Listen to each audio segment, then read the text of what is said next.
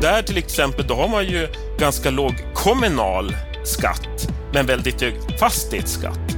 Och det är ett helt annat system sådär, men vi kan inte liksom ha både världens högsta kommunala skatter och världens högsta fastighetsskatter. Så man, får, man får ju välja system någonstans. Så, där. så att, det är klart, debit och kredit ska gå ihop, men man får även se över liksom, statens utgifter i så fall. Man kan inte bara höja skatterna ständigt på liksom, vanligt hederligt folk. Vi behöver se över systemet för vi kan ju inte både ha världens högsta skatter och världens högsta fastighetsskatt. Det menar Håkan Larsson på Villaägarna som du i det här programmet av Bopolpodden kommer att höra hans argument för varför en ny fastighetsskatt skulle vara skadlig för svensk ekonomi. Ja, I vår serie här om fastighetsskatt, nu är det andra programmet och vi tar upp det här ämnet för att höra olika sidor av myntet en ny fastighetsskatt, att ha kvar den fastighetsavgift vi har idag. Vad är egentligen fördelarna, nackdelarna med olika system? Vi försöker vrida och vända på olika argument för att se vad som kan fungera framåt. Vi har sist i det här programmet en repris av veckans Aktuellt från i fredags, då du får det senaste ifrån veckan som har gått.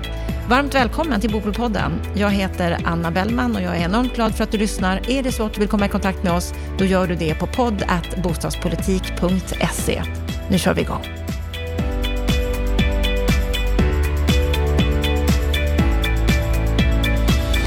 Stäng dörren för en ny fastighetsskatt. Det heter Villaägarnas rapport från i somras där de listar en rad argument till varför en återinförd fastighetsskatt vore skadlig för både enskilda småhusägare och för svensk ekonomi i stort. Andra de menar att fastighetsskatten det är den minst skadliga skatten och att den, den borde återinföras.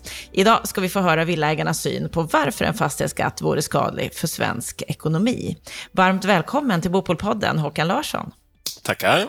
Vad är din sinnesstämning idag? Min sinnesstämning? Ja, det är när man tittar ut genom fönstret så är det lite så här äh, höstlikt grått här. Så att, äh, men jag gillar och för sig hösten. Det är då det är vackra färger i skogen och man kommer ut på lite höstjakt och sånt där. Så att äh, den är nog ganska god idag. Mm, inte helt fel alltså. Du, mm. Du är med på länk idag, sitter hemma. Yes. Du är också chefekonom på Villaägarnas riksförbund. Vad, vad skulle du säga är er uppgift som förbund? Ja, det är väl framför allt att ta ställning för småhusägandet och småhusägare. Eh, från norr till söder. Vi är en ganska stor organisation. Vi samlar ungefär 300 000 medlemmar, vilket faktiskt är mer än vad de politiska partierna samlar tillsammans. Så att vi är en ganska stark röst i debatten. Och eh, vi försöker också vara en röst i debatten, både det lilla och det stora. Eh, det många tänker på det är kanske fastighetsskatt och så vidare. Det är ofta eh, i tider av kris och staten vill få in pengar till statskassan, då vänds ofta blickarna mot småhusägarna. Och eh, då är vi där och tar debatten helt enkelt. Mm. Man kan bland annat nu läsa på er hemsida om budgeten, där mm.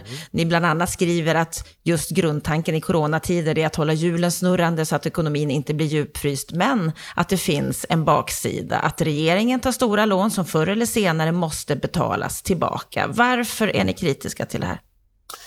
Ja, det var en del positiva saker i budgeten också. Eh, slopad uppskovsränta till exempel, som vi har drivit på. Men, men eh, som jag ser det finns ett grundläggande eh, problem i svensk ekonomi. Det är att eh, även innan krisen, alltså det, det rådde högkonjunktur, så gick många, eh, inte minst kommuner, på knäna. Plus och minus gick helt enkelt inte ihop. Och nu kommer en kris och då ökar man budgetunderskotten, vilket i och för sig inte är så dåligt. Eh, det är klassisk keynesianistisk politik. Man gasar på när det går dåligt för att arbetslöshet, arbetslösheten inte ska gå upp så mycket. Och så kanske man sparar i goda tider. Problemet var ju bara att under goda tider så gick vi Sverige också minus, vilket gör att man tar upp lån nu det här ska ju förr eller senare betalas tillbaka och jag ser en risk att när vi har kommit förbi den här coronakrisen om två, tre år, att blickarna åter kommer att vändas mot eh, småhusägarna och att politikerna kommer att försöka sanera finanserna och då finns det risk att till exempel fastighetsskatten kommer att öka. Vi såg ju samma sak efter 90-talskrisen, då var det ju mångt och mycket småhusägarna också som fick stå för fiolerna. Mm. Och eh, ni har ju under lång tid, precis som du har sagt här, tagit debatten. Ni skriver själva att ni har framgångsrikt lyckats försvara fastighetsskattereformer från 2008 som lyfte ett ok från småhusägarnas axlar, men att det inte har varit lätt. Det är många debattörer genom åren som argumenterat för höjd fastighetsskatt och där är vi ju idag också. Nu mm. är ju verkligen fastighetsskatten på tapeten igen. Vad är det om man ska se det här grundläggande som ni är så kritiska till att den ska återinföras?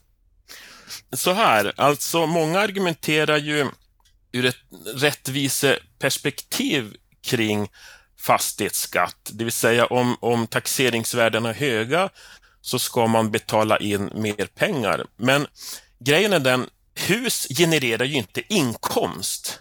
Eh, lön är ju en annan sak, man arbetar för, för lön. Och Eh, och där finns det också en stor, ja stor, men det finns i alla fall en acceptans hos befolkningen att ju mer lön man tjänar, ja, ju mer betalar man in i skatt. Men eftersom inte hus genererar några inkomster så finns det inte heller någon liksom, folklig legitimitet i den, den skatten. Det är en sak att till exempel betala till du vet, vägunderhåll, belysning, snöskottning och sådana konkreta saker som hänger samman med eh, husägande. Men liksom inte en skatt på själva boendet. Ni har tagit fram en räknesnurra om man tittar på mm. er hemsida där dagens fastighetsavgift jämförs med den gamla fastighetsskatten. Och så kan man där knappa in sin, sitt taxeringsvärde och se hur, hur, hur, mycket skatten då skulle öka om den infördes, om den har samma premisser som den hade tidigare. Och så skriver mm. ni det här att sprid den här gärna, använd den i debatten. För det har mm. gått några år sedan den gamla skatten avskaffades och många har nog glömt hur betungande den var. Hur betungande var den? Ja, den var ju väldigt betungande eh, och ofta används det som någon sorts, som jag sa tidigare, någon rättvisediskussion eh, här att man ska återföra den gamla fastighetsskatten. Men jag själv är från Piteå eh, och kollade här på morgonen jämfört, alltså i snitt, vad skatten skulle lägga på med, den, med det gamla eh, systemet och det är ungefär 9740 kronor då. I Luleå, grannstan, då skulle den gamla fastighetsskatten ligga på ungefär 17 210 kronor, alltså nästan 10 000 kronor mer. Och vad är då rättvisan om man bor i Piteå? Det är klart, som Piteåbo skulle man då gilla att skatten var lite lägre, men som Lulebo ska man inte alls gilla att skatten var högre. Så att det här med rättvisa eh, vet jag inte. Jag tycker det är mer rättvist att man betalar för eh, den service till exempel kommunen genererar, inte på husets liksom fiktiva taxeringsvärde. Och sen eh, är det ju många som lyfter in i debatten att, att, ja, att det, det är en effektiv skatt på grund av så här, man använder ekonomiska argument för att återinföra fastighetsskatten. Men jag kollade också i morse, där jag bor, eh, i Sollentuna norr om Stockholm, där skulle snittskatten hamna på ungefär 53 000. I Sundbyberg 60 000. Och det är inte några speciellt, speciella höginkomsttagare som bor här, det är liksom vanlig medelklass. Och, där. och varför ska man då flytta till exempel som jag gjorde från Piteå till Stockholm om, om skatten ökar med nästan 40 000 kronor. Och Det jag saknar lite grann i den här debatten när nationalekonomer är ute, det är konsekvensanalysen. De föreslår höjd fastighetsskatt, men de räknar aldrig på vad det kan leda till. Dels för den enskilda, men också för liksom samhällsekonomin i stort och bostadsmarknaden. Du kan ju tänka om, om skatten ökade här med 40-50 000, folk skulle inte ha råd med det. Eh, Alltså det hade ju blivit bostadskrasch helt enkelt. När vi hade Daniel Waldenström på besök i podden här för ett par veckor sedan så var han ju vän av balans, att titta samtidigt på hela skattesystemet och, och, och titta på inkomstskatt och så vidare. Att, att det skulle bli en, en sänkning där och istället höja fastighetsskatten. Att det inte bara handlar om att höja en enskild skatt. Mm. Är det inte det vi behöver, en, en total översyn? Ja, men det intressanta i hans resonemang, jag tycker han för övrigt var väldigt sympatisk och, och eh, som en typisk nationalekonom, när det rör sig om teorier, då var han väldigt säker. Men när du börjar ställa sådana här frågor eh, så eh, blev han väldigt ödmjuk i svaren.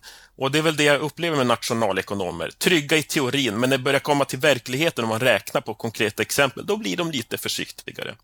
Och det han sa, det var ju bland annat, och det du ställde fråga kring, det var att eh, man i ett sånt här system behöver ha en begränsningsregel så att, så att man inte, som då beror på ens inkomst. Men så fort man in, inför en begränsningsregel eh, utifrån inkomst i fastighetsskatten, ja då blir det ju ytterligare bara en ny inkomstskatt. Det vill säga fastighetsskatten kommer att öka om inkomsten ökar. Och det är ju det de här nationalekonomerna eh, ofta är emot. Så att eh, jag tycker det klickar lite grann i resonemangen där. Mm. De pratar ju ofta om att fastighetsskatten blir en Stockholmsskatt. Du har ju själv mm. nämnt ett exempel här att, att, att det blir, taxeringsvärdena är högre i storstadsregionerna. Mm. Och, eh, men samtidigt att människor som bor här generellt sett tjänar mer. Men du tycker inte att det argumentet håller? Ja, generellt sett. Jag, alltså jag tänker där jag bor också. Det, det är möjligt att en sjuksköterska i där jag bor, alltså norr om Stockholm, tjänar något mer än, än i Piteå, där jag kommer ifrån exempelvis. Det vet jag inte, men, men, men allt annat lika. Alltså, eh, låt säga att vi har ett par som bor i Piteå i ett hus, har identisk inkomst med ett par i Stockholm, men taxeringsvärdena är högre i Stockholm, ja, då kommer ju deras skatt bli ungefär 40 000 kronor högre, eller ännu mer. Eh, och jag upplever inte det rimligt. Alltså jag tycker att skatten ska eller avgiften som det heter idag, det är egentligen samma sak, men ska utgå ifrån den service som kommunen har gentemot medborgarna. Inte utifrån ett fiktivt värde i form av taxeringsvärde. Om vi backar bandet lite grann för att få ett, en, en bra grund i det här som vi, som vi pratar om nu. När jag läser på er hemsida så skriver ni bland annat då att nu det finanspolitiska rådet och förespråkar en chockhöjning av skatter på ägande, att det är ett dråpslag för de som har små marginaler och som vill äga sin bostad, precis det du är inne på nu. Mm. Och sen så vänder ni er emot att liberala ledarsidor som DN, Expressen, socialdemokratiska tankesmedjor som Tiden, att de sluter upp bakom det här. Och ni menar att det här det visar på en historielöshet som inte bådar gott för Sveriges hushåll. Vad är det som de här inte kommer ihåg ifrån historien? Ja, det, det här är en fråga som man, alltså det är många som som köper hus nu eh, som inte minns hur betungande fastighetsskatten var. De som var med på 90-talet eh, minns ju hur, hur fastighetsskatten, du vet, den kunde öka, och det var ju lägre taxeringsvärden då också, men den kunde liksom öka 10 000 kronor från, från ett år till ett annat, bara för att liksom grannen hade renoverat och sålt dyrt. Eh, för för taxering, eh, taxeringsvärdet utgår ju inte i Sverige utifrån ditt, ditt eget hus, så att säga, utan det är ju, det är ju liksom likvärdiga hus i närområdet. om då hus säljs dyrt, ja då ökar ditt taxeringsvärde och plötsligt, fast du inte har fått högre inkomst, du har inte renoverat, du har inte gjort någonting med ditt hus, så ökar ändå skatten. Och, och det, det, är ju illegitimt. Och dessutom var det så oförutsägbart. Man visste ju inte vad skatten skulle bli. Sådär. Och det som hände var ju att man egentligen Alltså man tog inte bort skatten. Det man gjorde var ju att döpa om den till fastighetsavgift och så satte man ett tak på den. Eh, och Det var en högst rimlig eh, åtgärd och det här taket ökade dessutom över tid. När det infördes 2007-2008 då låg taket på 6 000 kronor och nu ligger det på ungefär eh, 8 350 kronor. Och Taket ökar då i samma takt som det allmänna löneläget och även det tycker jag väldigt rimligt. Det är många som vill ha noll kronor i skatt, men, men vi har sagt någonstans att ah, det, det är väl okej okay att vi har en sån här fastighetsavgift och tanken är som sagt att det ska gå till ja, underhåll av vägar, belysning och så vidare. Men är det så illa att människor skulle drivas från sina hem om en fastighetsskatt infördes nu? Ja, men det är ju inte, och det är det här jag tycker de inte räknar på, alltså konsekvens. Det, det är inget rimliga förslag de lägger fram. Jag har inte sett ett enda sånt. Alltså, eh, hur många eh, har en buffert på 40-50 000 i sin hushållskassa som de bara kan lägga på en, på en skatt? Eller ännu mer, många kommer ju få en höjd skatt på kanske 100 000 kronor. Är det ens rimligt? Och, och, vad skulle in, man, man vet ju liksom i moderna kriser, så, vad är det som orsakar, förutom corona då, vad är det som orsakar riktiga sättningar i ekonomin? Ja, det är ju när bostadsmarknaden kraschar, som under finanskrisen vi såg i USA till exempel. Och det spred sig till andra länder, Spanien och så vidare. Eh, och, och eh, de har inte, har inte sett en enda konsekvensutredning heller när nationalekonomerna lägger fram sina eh, rapporter. Alltså vad skulle det leda till i form av sättningar på bostadsmarknaden och ekonomin i stort så här. Jag tror, alltså generellt när man håller på med skatteteori och skatter, man ska vara väldigt försiktig att ändra i skattenivåer, för man vet inte de sekundära och indirekta effekterna i form av eh, hushållskonsumtion, bostadspriser och så vidare. Har ni räknat på det? Vad, vad, vad, tror du? Hur många skulle uppskattningsvis drivas ifrån sina hem och inte ha råd att bo kvar? Ja, men ta som, som där, jag, där jag bor, alltså i snitt i Sollentuna 53 000 högre, i Sum, Sundbyberg 60 000, jag tror Danderyd, lite oklart där, men jag tror det ligger kring 95 000 i snitt i, i höjda skatter. Och jag menar, även om man bor i Danderyd, inte har man ju de inkomsterna. Det, det skulle ju inte fungera helt enkelt. Eh, jag har ingen exakt siffra på det, men... Men, eh, men känslan är att det här skulle inte många klara av? Nej, men hur många har den, den liksom utrymmet i sin hushållskassa? Om inte annat så, visst, man kanske inte eh, säljer i första läget, men du tvingas ju ändå dra ner på konsumtionen. Vilket gör att du kan köpa mindre produkter, mindre tjänster, vilket gör att ekonomin i stort, hjulen liksom bromsar upp och slutar snurra. Så vi skulle definitivt gå in i en väldigt djup lågkonjunktur. Mm. Ni menar att det här är skadligt för svensk ekonomi? Mm. Ja, så är det. Och som du sa, det, är ju en Stockholmsskatt. Och det, det, är intressant att Stockholms handelskammare för någon månad sedan la fram en rapport om liksom återinförd fastighetsskatt. Eh, jag vet inte själv om jag skulle bo kvar här, om jag ska vara ärlig, eh, i den här regionen, om jag skulle få en höjd skatt för 50 000. Om jag kan flytta hem till Piteå och kanske då betala 40 000 kronor mindre skatt. Och det är många som skulle resonera så. Redan nu har vi en nettoutflyttning från, från Stockholm, så att... Eh, mm, ja. Du tror att vi skulle se ännu fler som flyttar härifrån? Ja, det tror jag definitivt. Mm. Ett argument för en återinförd fastighetsskatt som flera ekonomer nämner, det är ju att den inte påverkar medborgarnas drivkrafter i lika hög grad som andra skatter. Vi hörde ju Daniel här, han sa att det här det är den minst skadliga skatten. Den är inte kopplad till hur hårt du jobbar eller hur många företag du startar. Kan du förstå argumentet? Ja, ja men det är ju ganska, det är ganska rått argument. Alltså, bara för att man inte kan undgå skatten så är det en bra skatt. Eh, man, kan ju, man, kan ju, man kan ju ha eh, levande skatt också.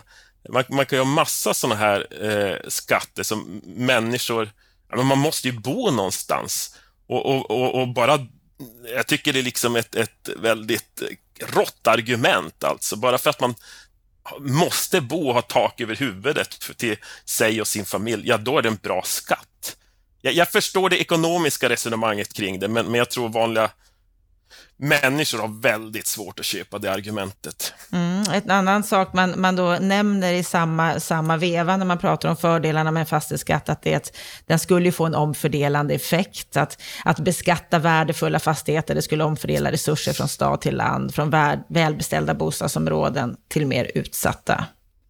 Ja, om det finns en sån koppling det är ju så att skatten redan idag är ju lägre på, på landsorten. Jag har släkten från Västerbottens inland, Dorotea, och där ligger skatten idag redan lägre, ungefär 3500 kronor per år jämfört med om man åker ner till kusten så ligger den i Umeå på ungefär 8350. så redan idag finns det ju en, en skillnad i beskattning. Alltså bor man på landsorten så är ju skatten lägre än vad den är i, i storstaden. Visst, det finns ett tak så att man betalar ju inte mer än men, än de här 8350 kronor. Men det är inte så att skatten är högre på landsorten. Däremot tycker vi från villaägarna att, att taxeringsvärdena har fortsatt att öka och taxeringsvärdena slår igenom under taket, så att säga. Det är där man ser den, den stora ökningen. Och därför kan jag tycka det är rimligt att man sänker Ehm, för just nu ligger fastighetsskatten eller fastighetsavgifter på 0,75 procent av taxeringsvärdet. Och jag kan tycka det är rimligt att man sänker det till, till 0,5 procent av taxeringsvärdet, alltså samma nivå som industrifastigheter har. Ehm, det skulle vara en riktad satsning mot just eh, landsbygden och det vore en välbehövlig satsning dessutom, skulle jag vilja säga. Vad skulle det ge för effekter? Ja, framförallt det skulle sänka skatten då, riktat mot just landsbygd där taxeringsvärdena är högre. Men man skulle då inte se en skattesänkning i till exempel Umeå eller ja, Sundbyberg, Stockholm och så vidare, Göteborg. Utan eh, det skulle vara en skattesänkning som då ja, kommer de i Dorotea, Norsjö, Åsele och så vidare till dels. Eh, man kan också fundera i sammanhanget eh, när vi pratar om likställa skatter. Skatten är mycket högre på småhus än både hyreshus och eh, bostadsrätter. Alltså taket i fastighetsavgiften på en villa ligger på 8 349 kronor då. Men på en bostadsrätt ligger den på 1 429 och man kan ju resonera lite grann kring rättvisan där också. Varför ska man i Stockholms innerstad i en bostadsrätt betala eh, liksom 1400 kronor, men när du kommer ut till Umeå ska du betala 8350 eh, kronor om du bor i ett småhus. Jag kan tycka att det kanske vore rimligt att man liksom harmoniserade skatterna mellan småhus och flerbostadshus.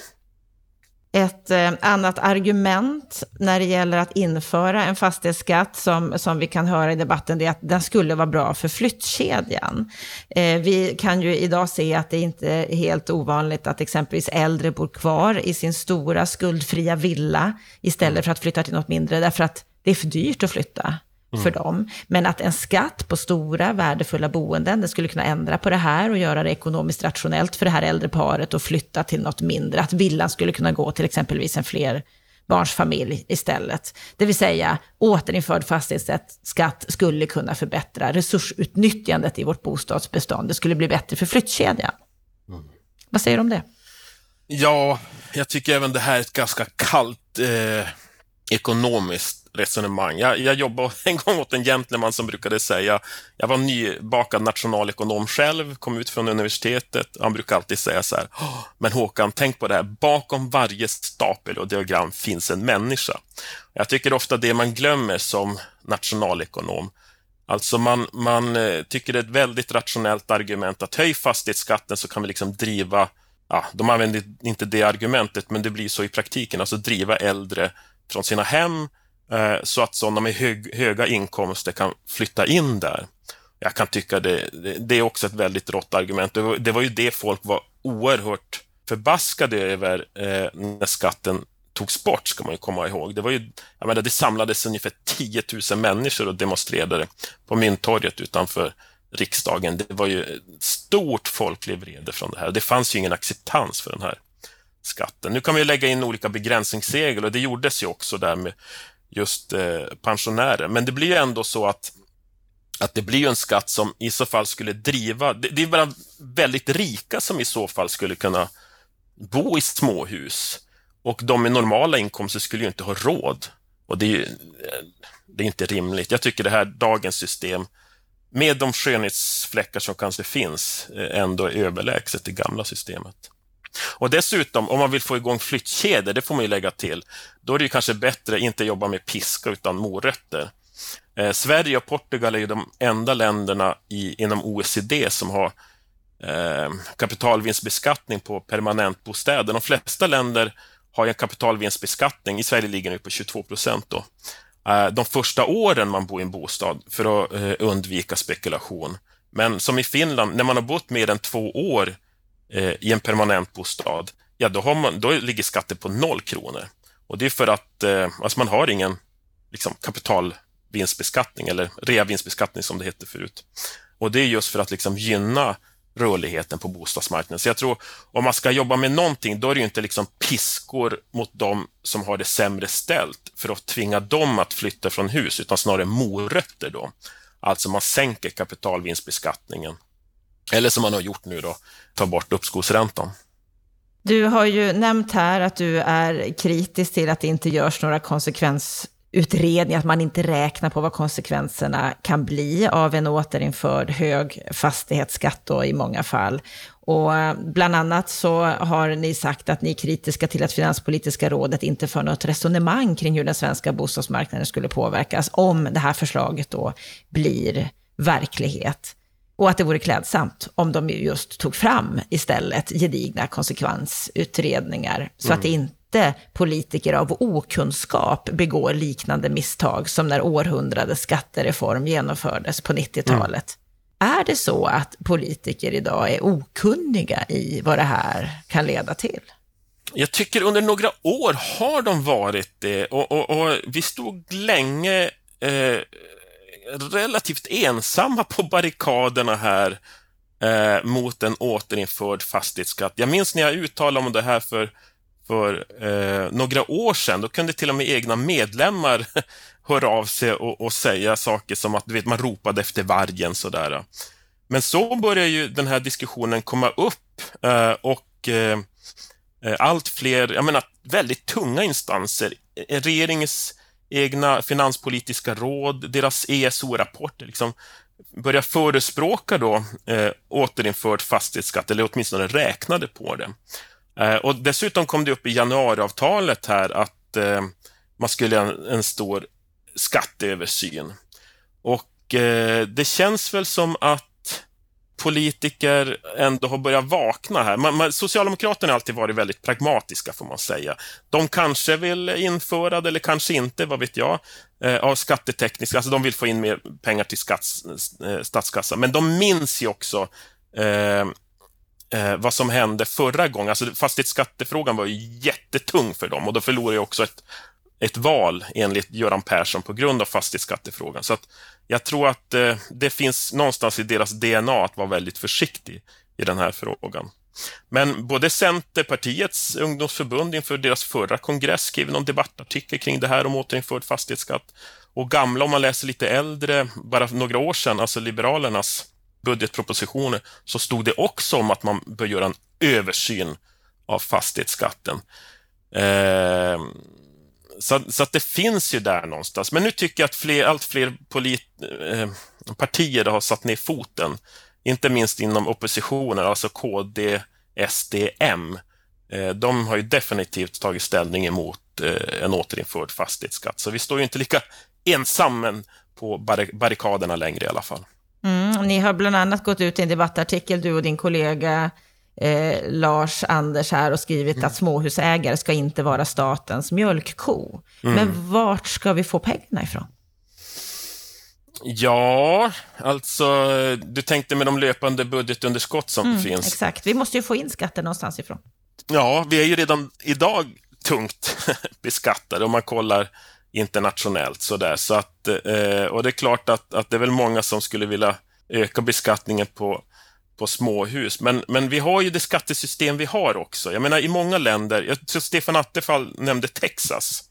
Där till exempel, då har man ju ganska låg kommunal skatt, men väldigt hög fastighetsskatt. Och det är ett helt annat system sådär, men vi kan inte liksom ha både världens högsta kommunala skatter och världens högsta fastighetsskatter. Så man, får, man får ju välja system någonstans. Så, där. så att det är klart debit och kredit ska gå ihop, men man får även se över liksom, statens utgifter i så fall. Man kan inte bara höja skatterna ständigt på liksom, vanligt hederligt folk. Mm, ni är ju tydliga från Villaägarna. Ni vill definitivt inte se en återinförd fastighetsskatt på det sättet som det är, utan tycker att dagens fastighetsavgift, den är rimlig. Mm. Vad är det du vill se från politiskt håll framåt? Du tänkte mot eh, småhusägarna eller? Ja, när det gäller den här, den här debatten nu, det som förs, hur vill du att politikerna ska agera? Ja, men kanske lite mer sans i, i, i debatten och att man Liksom det, det, det som jag sa innan, det är vanligt hederligt eh, folk som liksom bor i småhus och ibland känner man sig lite, vad ska jag säga, utsatt. Sådär. Att det, det finns fina värden eh, i att bo i småhus sådär. Jag är själv uppvuxen i ett miljonprogram kan man säga. Alltså, det byggdes ju väldigt mycket radhus på under eh, miljonprogrammets eh, dagar. Eh, men de står kvar, folken, de som bor där, eh, liksom eh, påtar i sin jord och värnar sitt hus. Och där. Det är inte där vi ser hög kriminalitet till exempel. Om man jämför det med andra eh, bostäder som byggdes under miljonprogrammet. Så det finns fina värden att, att bevara i, liksom, i småhus. Och där. Jag tycker det kommer bort lite grann i diskussionen. Jag tycker snarare att, att politikerna borde kanske fundera på att börja harmonisera skatterna, för, för småhusen är ju mycket högre beskattade än flerbostadshus. Och eh, om någonting så borde ju kanske de skatterna harmonisera snarare att man ska höja skatten ytterligare på småhussidan. Mm. Debatten den lär fortsätta. Ni lär få fortsätta stå på barrikaderna mm. från villaägarnas sida tillsammans med många fler. Stort tack Håkan mm. för att du delade detta i Bopelpodden. Tusen tack.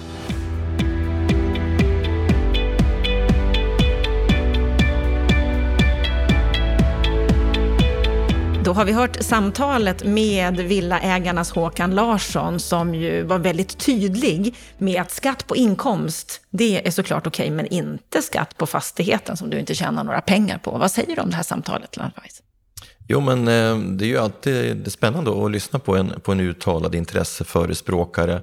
Det finns ju de som gärna avfärdar intresseförespråkare som just partsintressen. Men, men det, så ska man inte tänka, utan det här är ju ett land som är byggt på parter. Och partsinlagor är lika relevanta som andra inlagor. Så får man ju lyssna på dem och värdera dem.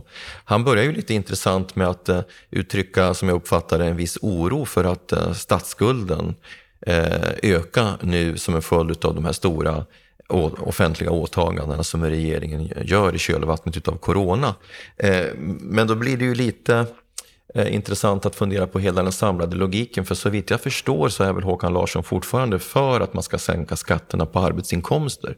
Så om vi inte då ska ökar den statsfinansiella problematiken då måste vi ta ut skatt någon annanstans. Och där provocerar ju du honom med flera frågor. Behöver vi inte de här pengarna för offentliga åtaganden? Och det, där dansar han undan med hänvisning till att, att bo eh, ska inte i sig vara en funktion utav eh, eh vårt behov av att eh, skapa intäkter till statskassan. Och då tycker jag det kan vara bra att backa tillbaka och göra en liten historiebeskrivning eh, här. Därför att vad, vad, vad är det som egentligen har gjort att vi har hamnat där vi är idag? Ja, det är den stora skattereformen på 90-talet.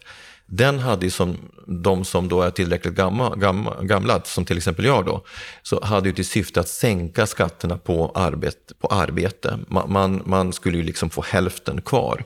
Och eh, Sen, när man då, eh, i ambitionen att sänka skatt på arbete så måste man ju då, var man tvungen att höja skatt på andra eh, företeelser.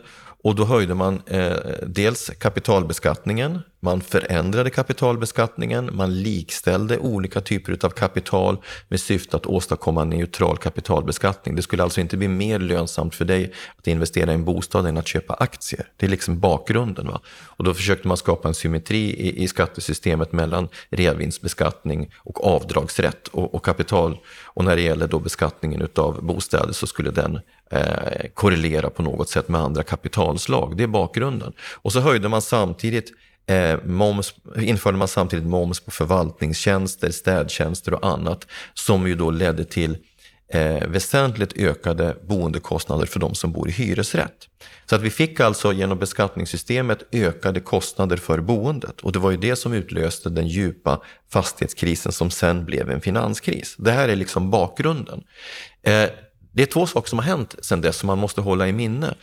Det, det första som hände i och med att eh, det blev dyrare att bo i hyresrätt, det var att det skedde det blev startskottet på en förändring av eh, sammansättningen utav hyresbeståndet på det sättet att vi hade tomma bostäder, det kom in en stor ström av Balkanflyktingar som flyttade in där.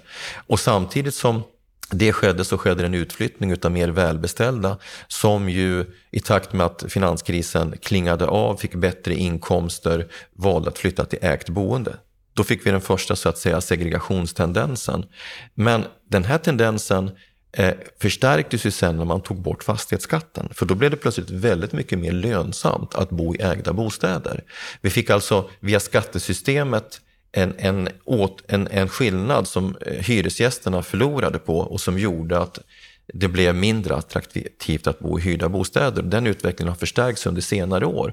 Och den, typ, den sociala problematiken men också eh, skattepolitiska problematiken som uppstår mellan hyrt och ägt, den förhåller sig inte Håkan Larsson till överhuvudtaget. Och det tycker jag är ett problem i debatten och det sänker trovärdigheten lite. För det är ingen tvekan om att den ensidiga förändringen av fastighetsbeskattningen gjorde hyresgästerna relativt sett till förlorare. Och det, det, det måste man ändå ha med sig in i debatten.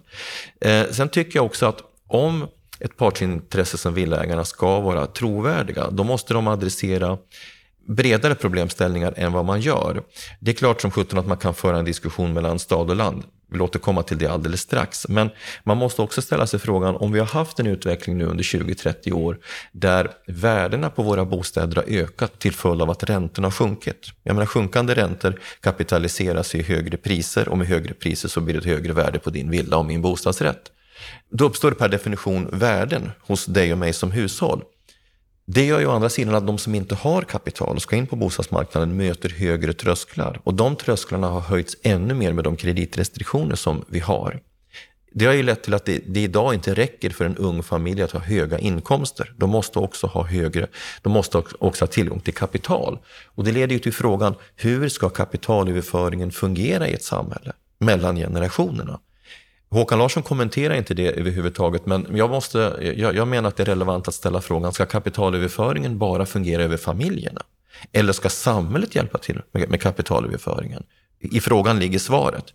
Eh, det är rimligt att samhället hjälper till med kapitalöverföring. Då menar jag så här att det vore rimligt att knyta ihop fastighetsbeskattningen med ett generationspolitiskt perspektiv. Det vill säga vi, vi accepterar att vi tar ut en viss form av beskattning på värdena som uppstår i det ägda boendet och så knyter vi det till bostadssociala insatser i form av till exempel startlån, bosparande och annat som gör att nästa generation också kan komma in på bostadsmarknaden. De har knutit ihop systemet. Då blir liksom en fastighetsskatt en del av ett omfördelningssystem.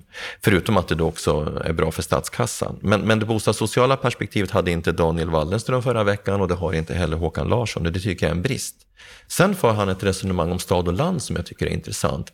Men där blir det också lite svårt att förstå argumentationen. För å ena sidan så erkänner ju Håkan att det var stockholmarna, det var villaägarna runt omkring Stockholm som blev de stora vinnarna. För över en natt så ökade deras fastighetsvärden. Samtidigt så är det väldigt synd om stockholmarna om man ska så att säga, förstärka fastighetsskatten. Men vi vet ju att de starkaste hushållen i Sverige, både när det gäller kapital och inkomster, finns i Stockholm. Så nog kan de ju möta en viss ökning utav fastighetsbeskattningen. Mm, en viss ökning, ja. men här pratar vi om en ganska stor ökning. Ja, men vem har sagt att det är det gamla systemet som ska återinföras? Ja, där blir jag lite förvånad. Det, det blir ju liksom lite som när Hyresgästföreningen sätter igång en kampanj för, hyres, för marknadshyror utan att veta hur, hur ett sådant system ska konstrueras. Man, utgår, man skapar alltså själv en premiss som man sen argumenterar emot. Jag tror ingen politiker skulle ens drömma om att återinföra det gamla fastighetsskattesystemet rakt av. Men anta att man skulle följa den tankefigur som han lite antydningsvis tar upp på slutet. Att man sänker fastighetsskatten för de fastigheter som ligger längst ut i det perifera Sverige och höjer den något i de mer centrala delarna av Sverige. Det vill säga att du differentierar beskattningen. Du skulle till och med kunna ta bort fastighetsbeskattningen för till exempel fastigheter upp till en miljon. Då skulle de som har blivit den stora förloraren på, det, på, på den förändring som skedde 2008 bli vinnare. Jag menar, du ska ju betänka att de som fick höjd skatt, det var de som bor i Västernorrland, Västerbotten och Kalmar län. Och de som bor i Stockholm fick, fick sänkt fastighetsskatt. Det, kun, det kan ju inte, liksom sett i backspegeln, vara särskilt rimligt. Men man skulle kunna förändra konstruktionen så att man tog bort fastighetsbeskattningen upp till, på fastigheter upp till en miljon och sen kickade den in upp till en viss nivå med ett tak. Men att den är högre för småhus än för bostadsrätter, är det en rättvisa idé? Nej, man behöver se över hela eh, beskattningen där. Bostadsrättsföreningar de beskattas ju som hyresfastigheter idag. Eh, men, men å andra sidan så så är det ju inte bostadsrättsföreningarna som har den största andelen av kapitalbasen utan det är ju faktiskt eh, bostadsrättshavarna själva. Och där kan man då behöva se över beskattningen också på marginalen. Det var ju också ett resonemang som vi förde i den bostadspolitiska arbetsgrupp som jag var ordförande i för ett par år sedan. Så att det är alldeles korrekt att det är flera element av skattesystemet som, som kuggar i varandra och som behöver ses över. Men att Eh, om man vill ha en, en, en rättvis eh, kapitalbeskattning sett över hela kapitalbeskattningssystemet eh, så kan man inte utesluta att man beskattar också realvärden som fastigheter. Jag kan hålla med om att man inte kan återgå till det gamla systemet, det vore oklokt, men att inte alls reformera nuvarande verkar också vara en ganska dogmatisk attityd. Han menar att det är bättre att sänka kapitalvinstskatten, att ta bort uppskovsräntan som man har gjort nu, att jobba med morötter och inte piskor för att exempelvis få då flyttkedjan att fungera. Vad tror du om det? Ja, för det första så får han ju då ett, ett förklaringsproblem eh, med utgångspunkt ifrån det statsfinansiella problemet som han tog upp först. Det adresserar han ju överhuvudtaget inte. Menar han ju att vi ska höja skatterna på arbetsinkomster istället då? Vi kan ju inte sänka alla skatter om vi ska få AB Sverige att gå ihop. Så att jag tycker nog att eh, det politiska programmet är något ensidigt här, det saknas svar. Men vill man ha igång flyttkedjor, då måste man ju, jag menar han är ju själv nationalekonom, det är ju en vedertagen sanning att då måste man använda ekonomiska incitament. Och vi, hur ska de incitamenten se ut då? då? Om det är väldigt eh, billigt att bo, eh, men dyrt att flytta, hur ska man då få igång flyttkedjor? Så att han, han, jag tror nog att fastighetsägarna, eh, förlåt, villägarna skulle behöva sätta sig ner och fundera både över den bostadssociala profilen i, i sitt program, men också eh, hur bostadsmarknaden som en helhet ska fungera väl. För, för som en slutkommentar vill jag ju ändå påpeka att de som har de absolut lägsta boendekostnaderna i bostadsmarknaden är villaägarna. Som andel av disponibel inkomst så betalar hyresgästen ungefär 27 procent av sina disponibla inkomster i hyra. Bostadsrättshavarna ungefär 20 och villaägarna någonstans 12, 13, 14. Så det är inte särskilt synd om villaägarna som kollektiv. Det han var väldigt tydlig med det var att vi måste se över systemet, det är du också inne på här nu Lennart, att vi måste se över statens utgifter. Vi kan inte både ha världens högsta inkomstskatt och världens högsta fastighetsskatt. Vi har inte världens högsta inkomstskatter. Eh, faktum är att eh, sett på alltså skattekvoten, alltså hushållens totala beskattning, ligger idag på 42-43 procent och det är många länder som ligger ganska nära den nivån. Men, men med, de, med det välfärdssystem som vi har så måste man ha relativt höga skatter, annars får man gå över till ett system med grundtrygghet då istället. Va?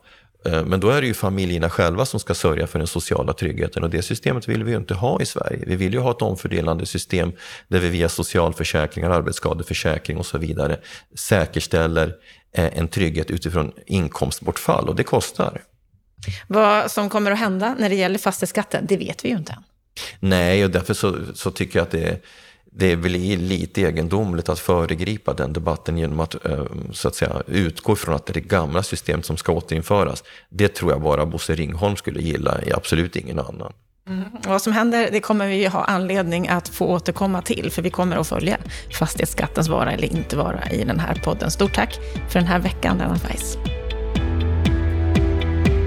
Då har vi hört samtalet med Håkan Larsson och Lennart Weiss analys av det och på vilket sätt han tycker att villägarna inte riktigt räcker hela vägen fram. Då har det blivit dags för en repris av veckans Aktuellt som vi sände i fredags.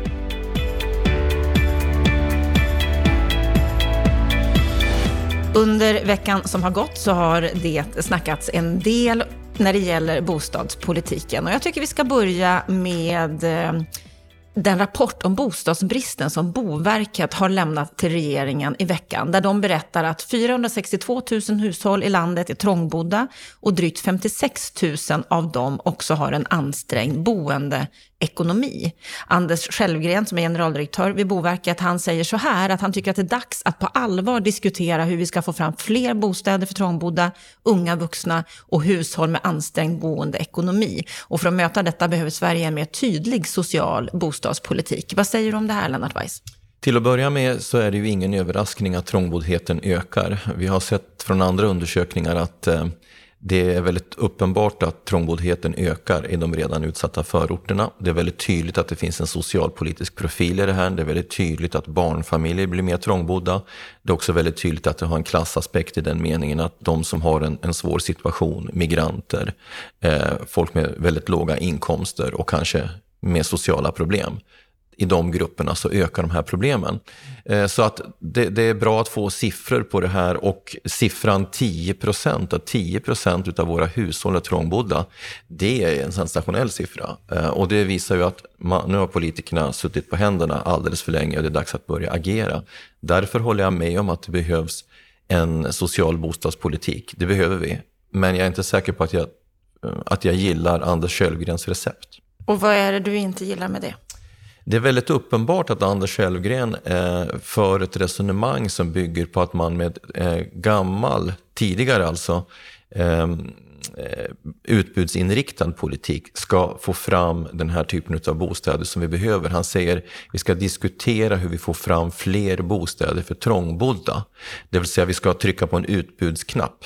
Eh, och, då, och då betyder det i praktiken att man måste ta fram bostäder som, som man subventionerar över produktionskostnaderna. Det vet vi blir kolossalt dyrt. Och jag har ju sett att Boverket i andra sammanhang har talat, argumenterat för en ny eh, sorts sociala bostäder. Och det vet vi ju från Bopolpodden i tidigare eh, samtal att det finns akademiska experter och andra som driver den idén. Men, men den där idén sitter ju väldigt ofta ihop med en, en, idé om att stöpa om hela hyresmarknaden. Det vill säga att å ena sidan skapa en del, en mer ska vi säga, privilegierad och etablerad hyresmarknad Eh, med marknadshyror och en särskild hyresmarknad för andra, ja då har du kanske temporärt löst trångboddheten, du har kanske skapat bostäder för utsatta grupper men du har förstärkt den sociala segregationen. Och det här är en debatt där jag tycker att man måste klara av att hålla två tankar i huvudet samtidigt. En social bostadspolitik måste både lösa den sociala segregationen, trångboddheten och utsatta hushållssituation. Och då menar jag att man måste förstå någonstans vad som var innebörden av systemskiftet. Det flyttade ansvaret till hushållen vi har, vi har idag per definition en efterfrågestyrd bostadsmarknad. Och då menar jag så här att de hushållen som har jobb, som har någon sorts eh, ekonomisk efterfrågan, de hushållen ska man stötta att vara kvar på den ordinarie bostadsmarknaden genom att höja bostadsbidragen, genom att eh, eh öka stödet till pensionärer, till, till, eh, till familjer med många barn och så vidare. Den typen av stöd stärker deras efterfrågesituation på bostadsmarknaden. Eh, sen är det också ett faktum att väldigt många av de här grupperna skulle kunna efterfråga, om de har jobb, en ägd bostad längre ut i eh, storstadsregionerna. För där finns ett väldigt stort utbud av billiga bostäder, men det har Boverket aldrig på radarn. Utan de vill skapa en ny boendeform för de så kallade ekonomiskt utsatta hushållen. Och det tycker jag är fel, men sen håller jag eh, å andra sidan med om att det finns hushåll som har en ännu mer utsatt situation, alltså som är nära en social utslagning. Där behövs det ju särskilda bostäder, men de har vi ju redan. Så att det här är i så fall bara en fråga om att via stat, statsbudgeten stötta kommuner kommunerna att, den, att, att via så att säga, statliga stöd stimulera kommunerna att köpa in fler sociala kontrakt från de fastighetsägare vi har. Köper man in en större volym där, ja men då, då, finns, då, då uppstår det ju så att säga ett behov i den andra, i, i den ordinarie delen av bostadsmarknaden och då möter ju kommersiella intressen det genom att bygga mer, öka utbudet. Så att jag, jag tycker ju att det här är återigen ett exempel på hur man snabbt styr in i den kontinentaleuropeiska lösningen som har väldigt många socialpolitiska problem. Det här går att lösa på ett annat sätt eh, inom ramen för det vi kallar för en social bostadspolitik. Mm, och att det behöver lösas, det råder ju ingen tvekan om, för precis som du sa, det är nästan 10 procent i hela landet som är trångbodda och andelen har bara ökat de senaste åren. Stockholmsregionen har en andel på över 15 procent, medan mindre kommuner som har mindre än 75 000 invånare ligger under 7 procent i genomsnitt. Så att, att det behöver hända någonting, det är ju helt klart så. Mm. Om vi går vidare i veckans Aktuellt så har vi en rubrik här ifrån Svenska Dagbladet. Att köpa bostadsrätt är inte som att köpa korv. Och det är flera riksdagspartier som nu ifrågasätter regeringens arbete för att stärka skyddet för köpare av nyproduktion. Vad gäller det här, Lennart? Ja, det här är en debatt som vi har speglat tidigare via den här juristen som, som företrädde ett antal konsumenter som ville hoppa av. Den här frågan är inte svart eller vit den heller. Det är ingen tvekan om att det finns bostadsutvecklare som har eh, ska vi säga, använt det, det, det, juridiska stöd som man har i förhandsavtalen genom att eh, sätta en del hushåll på pottan, ärligt talat. Va? Eh, det vill säga man har förskjutit inflyttningstiden på ett helt orimligt sätt. Det tycker inte jag är rimligt. Men den här problematiken eh, med undantag för några eh, särfall, några bostadsutvecklare som har gått väldigt långt i tolkningarna, så håller ju branschen på att självreglera den här frågan. Och det gör man ju genom den här eh, nya organisationen Trygg bostadsrättsmarknad i Sverige, som de största bostadsutvecklarna anslutit sig till och skapat ett regelverk för att öka transparensen, eh, förutsägbarheten och på det sättet också konsumentskyddet. Så att jag är väldigt tveksam till att gå fram lagstiftningsvägen här. Jag skulle nog säga att det vore bättre att statsmakterna då förde en dialog med Trygg bostadsmarknad, kallade till sig bolagen och förde en dialog om eh, eventuella förbättringar i det system som då branschen själv har tagit fram. Det tror jag är en mycket, mycket bättre väg. Eh, sen kan man ju liksom Ja, jag menar, att sälja bostäder är inte som att sälja korv. Men även om du skulle ha sålt korv så är det väl ett faktum att om din kund har bett dig eh, att lägga en korv på grillen och du eh, eh, får en korv och sen tackar nej och inte vill betala därför att någon annan har en annan korv på andra sidan gatan. Då uppstår ett problem för korvhandlaren också. Va? Och det är ju liksom det här det någonstans handlar om. Här pratar vi alltså om en bransch som hanterar enorma värden. Jag menar om, om, om vi säger att Anna, att du beställer en bil som har sex månaders leveranstid och sen när det är dags för leverans, då säger du att du vill, du vill inte ha bilen. Ja, men vem ska köpa den då, då? Vem ska ta den finansiella risken? Vi pratar alltså om en, om en bransch som hanterar kolossala värden där politikerna hela tiden lägger nya krav på producenterna. De ska öka utbudet, de ska ta större risker, de ska möta krav från myndigheterna. Ska de inte få betalt av sina kunder? Ja, men problemet är ju om jag beställer den där bilen, jag säljer min andra bil, jag behöver den där bilen om ett halvår när den ska levereras och den kommer inte. Den är inte klar, den är inte leveransklar, det dröjer ett år, ett och ett halvt år innan jag får den. Ja, men eh, när, när det gäller bilköp så har jag nog aldrig varit med om att du betalar hela köpeskillingen i, i framkant. Varför ska du göra det med bostäder? Alltså det gör ju inte det heller, utan du tecknar ett förhandsavtal och det är bindande. Sen kan jag hålla med om att eh, leveransen kan inte få skjutas upp hur länge som helst. Men saken är ju den att du, du binder dig ju inte slutligen förrän du tecknar upplåtelseavtal. Och det gör du typ sex, sex månader före. Det du riskerar före det är din lilla insats eh, på några, några tiotals tusen kronor. Och, och eh, det, det är väldigt svårt att se det som ett stort konsumentpolitiskt problem. Det kritiken är när det gäller just detta, det är ju att redan 2015 så tillsatte Stefan Löfvens första regering en utredning om bristande konsumentskydd i nyproduktionen, som hette just Stärkt konsumentskydd på bostadsmarknaden. Och man hade en rad förslag på olika åtgärder där, men att lagen har inte ändrats i det här fallet, utan köpare har fortsatt att vittna om missförhållanden, bland annat då oklara köpeavtal som inte går att bryta ens vid stora byggförseningar. Så att på något sätt behöver väl det ses över det här. Mm, men, det, men det man då glömmer bort i historien, eh, det är ju att eh, sen den utredningen tillsattes och sen vi har haft ett antal uppmärksammade fall i media så har alltså branschen gjort det som är väldigt typiskt för svensk marknadsekonomi. Då har branschen tagit initiativ till en självreglering. Så och, du menar att en lagförändring behövs inte? Nej, jag, jag, jag, tycker i vart fall att man ska ge chansen, eh, branschen chansen att, att, den, att få den här självregleringen att fungera. Och skulle man vara missnöjd med implementeringstakten när det gäller den självregleringen, då tycker jag att eh, staten ska ta ett resonemang med Trygg BRF och försöka få till stånd förbättringar. Men lagstiftning, ja, ja det finns jurister. Ingrid Uggla eh, springer snabbt ut och vill ha skärpt lagstiftning och gör ganska ensidiga tolkningar utav bostadsrättslagen. Det är alltid bättre att föra en dialog med branschen och hitta rätt lösningar den vägen.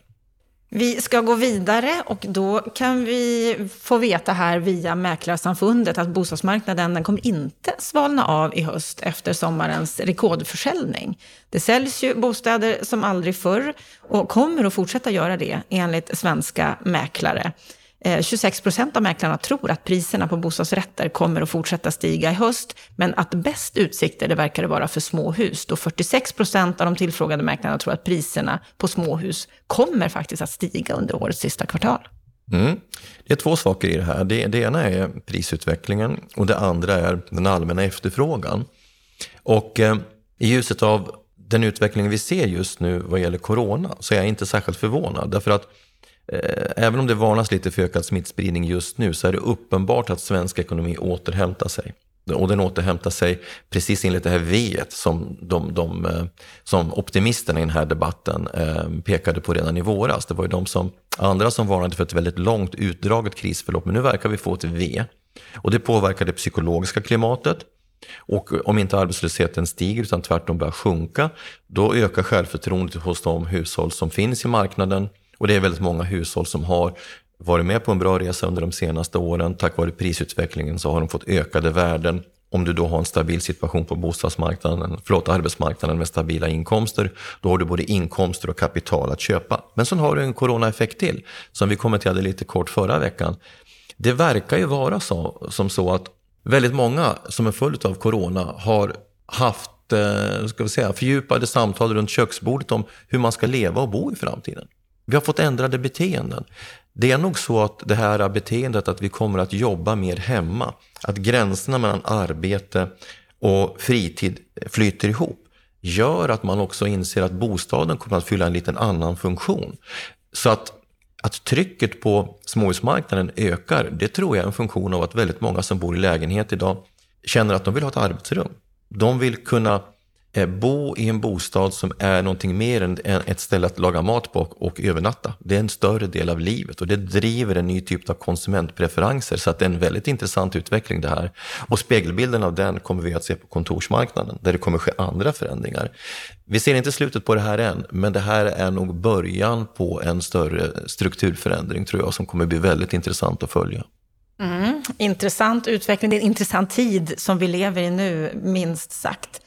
Och vi behöver avsluta veckans Aktuellt idag med att kommentera förra veckans ledare. Varje vecka så skickar bostadspolitik.se ut ett nyhetsbrev. Om du inte prenumererar på det så gå in på bostadspolitik.se och eh, anteckna dig där för en prenumeration. Och där, Lennart, skrev du ledaren förra veckan, där du fick glädjefnatt över Liberalernas bostadspolitiska rapport som har namnet Förortslyftet. Ett programförslag som utmynnar i en lång och överraskande ambitiös förslagskatalog som du skriver här och som har uttalat syfte att lyfta förort men också att råda bot på dagens bostadssociala utmaningar. Alltså vad är det som är så bra med Liberalernas? ja, jag blir lite generad. Eh, men jag, jag blev väldigt eh, positiv, eh, överraskad utav, av rapporten. Det korta DN-referatet gav egentligen ingen riktig vägledning, men jag hade ju turen att få rapporten i mejlkorgen innan jag hade skrivit klart ledaren, för hade jag inte fått den hade jag nog varit mera stram i kommentaren. Eh, nej men det här är ett, ett bra program. Det, det, det, de har gjort, Liberalerna, det är att de, det pågår ett politikutvecklingsarbete så att det rapporter på tre olika områden som ska behandlas av Liberalernas partistyrelse här redan i oktober. Och Robert Hanna som är partiets bostadspolitiska talsperson, han har lett en arbetsgrupp inom det här bostadssociala området. Och det jag först blev väldigt glad över, och det ska man inte vara så förvånad över när det gäller just Robert Hanna. Robert är själv uppvuxen i förorten, han har en egen upplevelse av det. Så att, att rapporten ta ansats i den sociala segregationen, i boendesegregationen. Det var inte sådär jätteöverraskande. Men det som var så överraskande och, och som jag är så glad över det, det är att rapporten binder samman olika element i politiken som ofta separeras. Där finns alltså frågor om hur byggandet ska främjas. Där finns åtgärder som rör just boendesegregationen, som rör specifika problem som hemlösheten och, men där finns också ett avsnitt som rör bostadsmarknaden som en helhet där de verkligen driver en, en modern valfrihetsfilosofi där man ska vara neutral mellan hyresrätt och, och ägda boendeformer och därför så föreslår man också åtgärder för att främja både hyresrätten och de ägda boendeformerna. Så på det sättet så är det ett väldigt komplett program. Sen noterade jag en sak till som um, Kanske en föraning om en liten eh, politisk omsvängning, behöver inte vara det men kan vara det. Att, att man, man lyfter ju liksom inte alls marknadshyresperspektivet. Utan det som man lyfter fram det är ju ett förslag om tillfälliga Eh, en tillfällig boendeform som vi kan kalla för en form av tillfälliga sociala kommunala kontrakt. Och det är ju en tankegång som Johan Löfstrand, Socialdemokraternas bostadspolitiska eh, talesperson, lyfte in i den socialdemokratiska expertgruppens rapport som kom 2018. Lite olika tekniska konstruktioner, men de är väldigt närbesläktade. Och jag, eh, om det här skulle vara Liberalernas politik, som alternativ rent av till de här eh, variant, kontinentaleuropeiska varianterna av social housing, då har vi fått ett politiskt förslag in i debatten där eh, skillnaderna mellan socialdemokrater och liberaler är väldigt liten.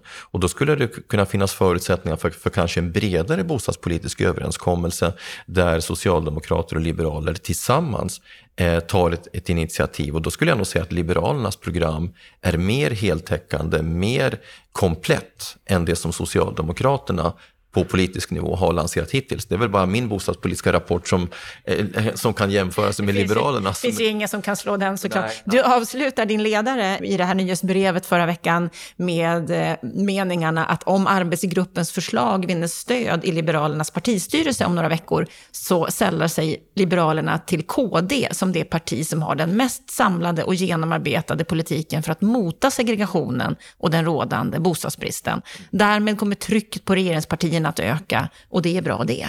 Det är ja. stora ord från en socialdemokrat. Ja, nej, men det är bra. Det, det, det är bra att det uppstår ett större politiskt tryck här. Så att, eh, redan det faktum att arbetsgruppen har lanserat det här programmet gör ju att an, de andra partierna måste förhålla sig till det här eh, utkastet som jag tror kommer fastställas dessutom. Jag menar, Nyamko Sabuni skulle ju inte ha gått ut och presenterat idén om hon inte stöttade arbetsgruppens förslag. Kan bli små justeringar kanske, men, men så att nu har ju liksom Liberalerna ska sägas, ändrat hela dynamiken i debatten. De har gjort sig själv lite till ett centrum för debatten och en utgångspunkt för den diskussion som ska föras framåt. Och KD har gjort det tidigare med väldigt intressanta resonemang hur man, hur man ska få en ägarmarknad att fungera eh, i bostadssocialt hänseende. Så att de har gjort stora insatser här, de här två partierna, för att få en bättre bostadspolitisk debatt. Och då uppstår det ett strategiskt problem för Socialdemokraterna. Då kan de ju inte sitta på händerna hur länge som helst och, och, och, och gömma sig bakom investeringsbidragen som egentligen har en ganska begränsad bostadssocial effekt.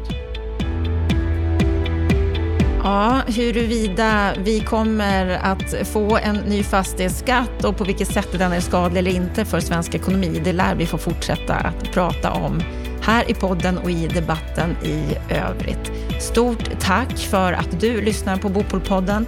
Är det så att du vill ha mer fördjupade reflektioner, debatter, så gå gärna in och läs på bostadspolitik.se där du också kan teckna dig för vårt nyhetsbrev. Med det så önskar jag dig en riktigt skön vecka.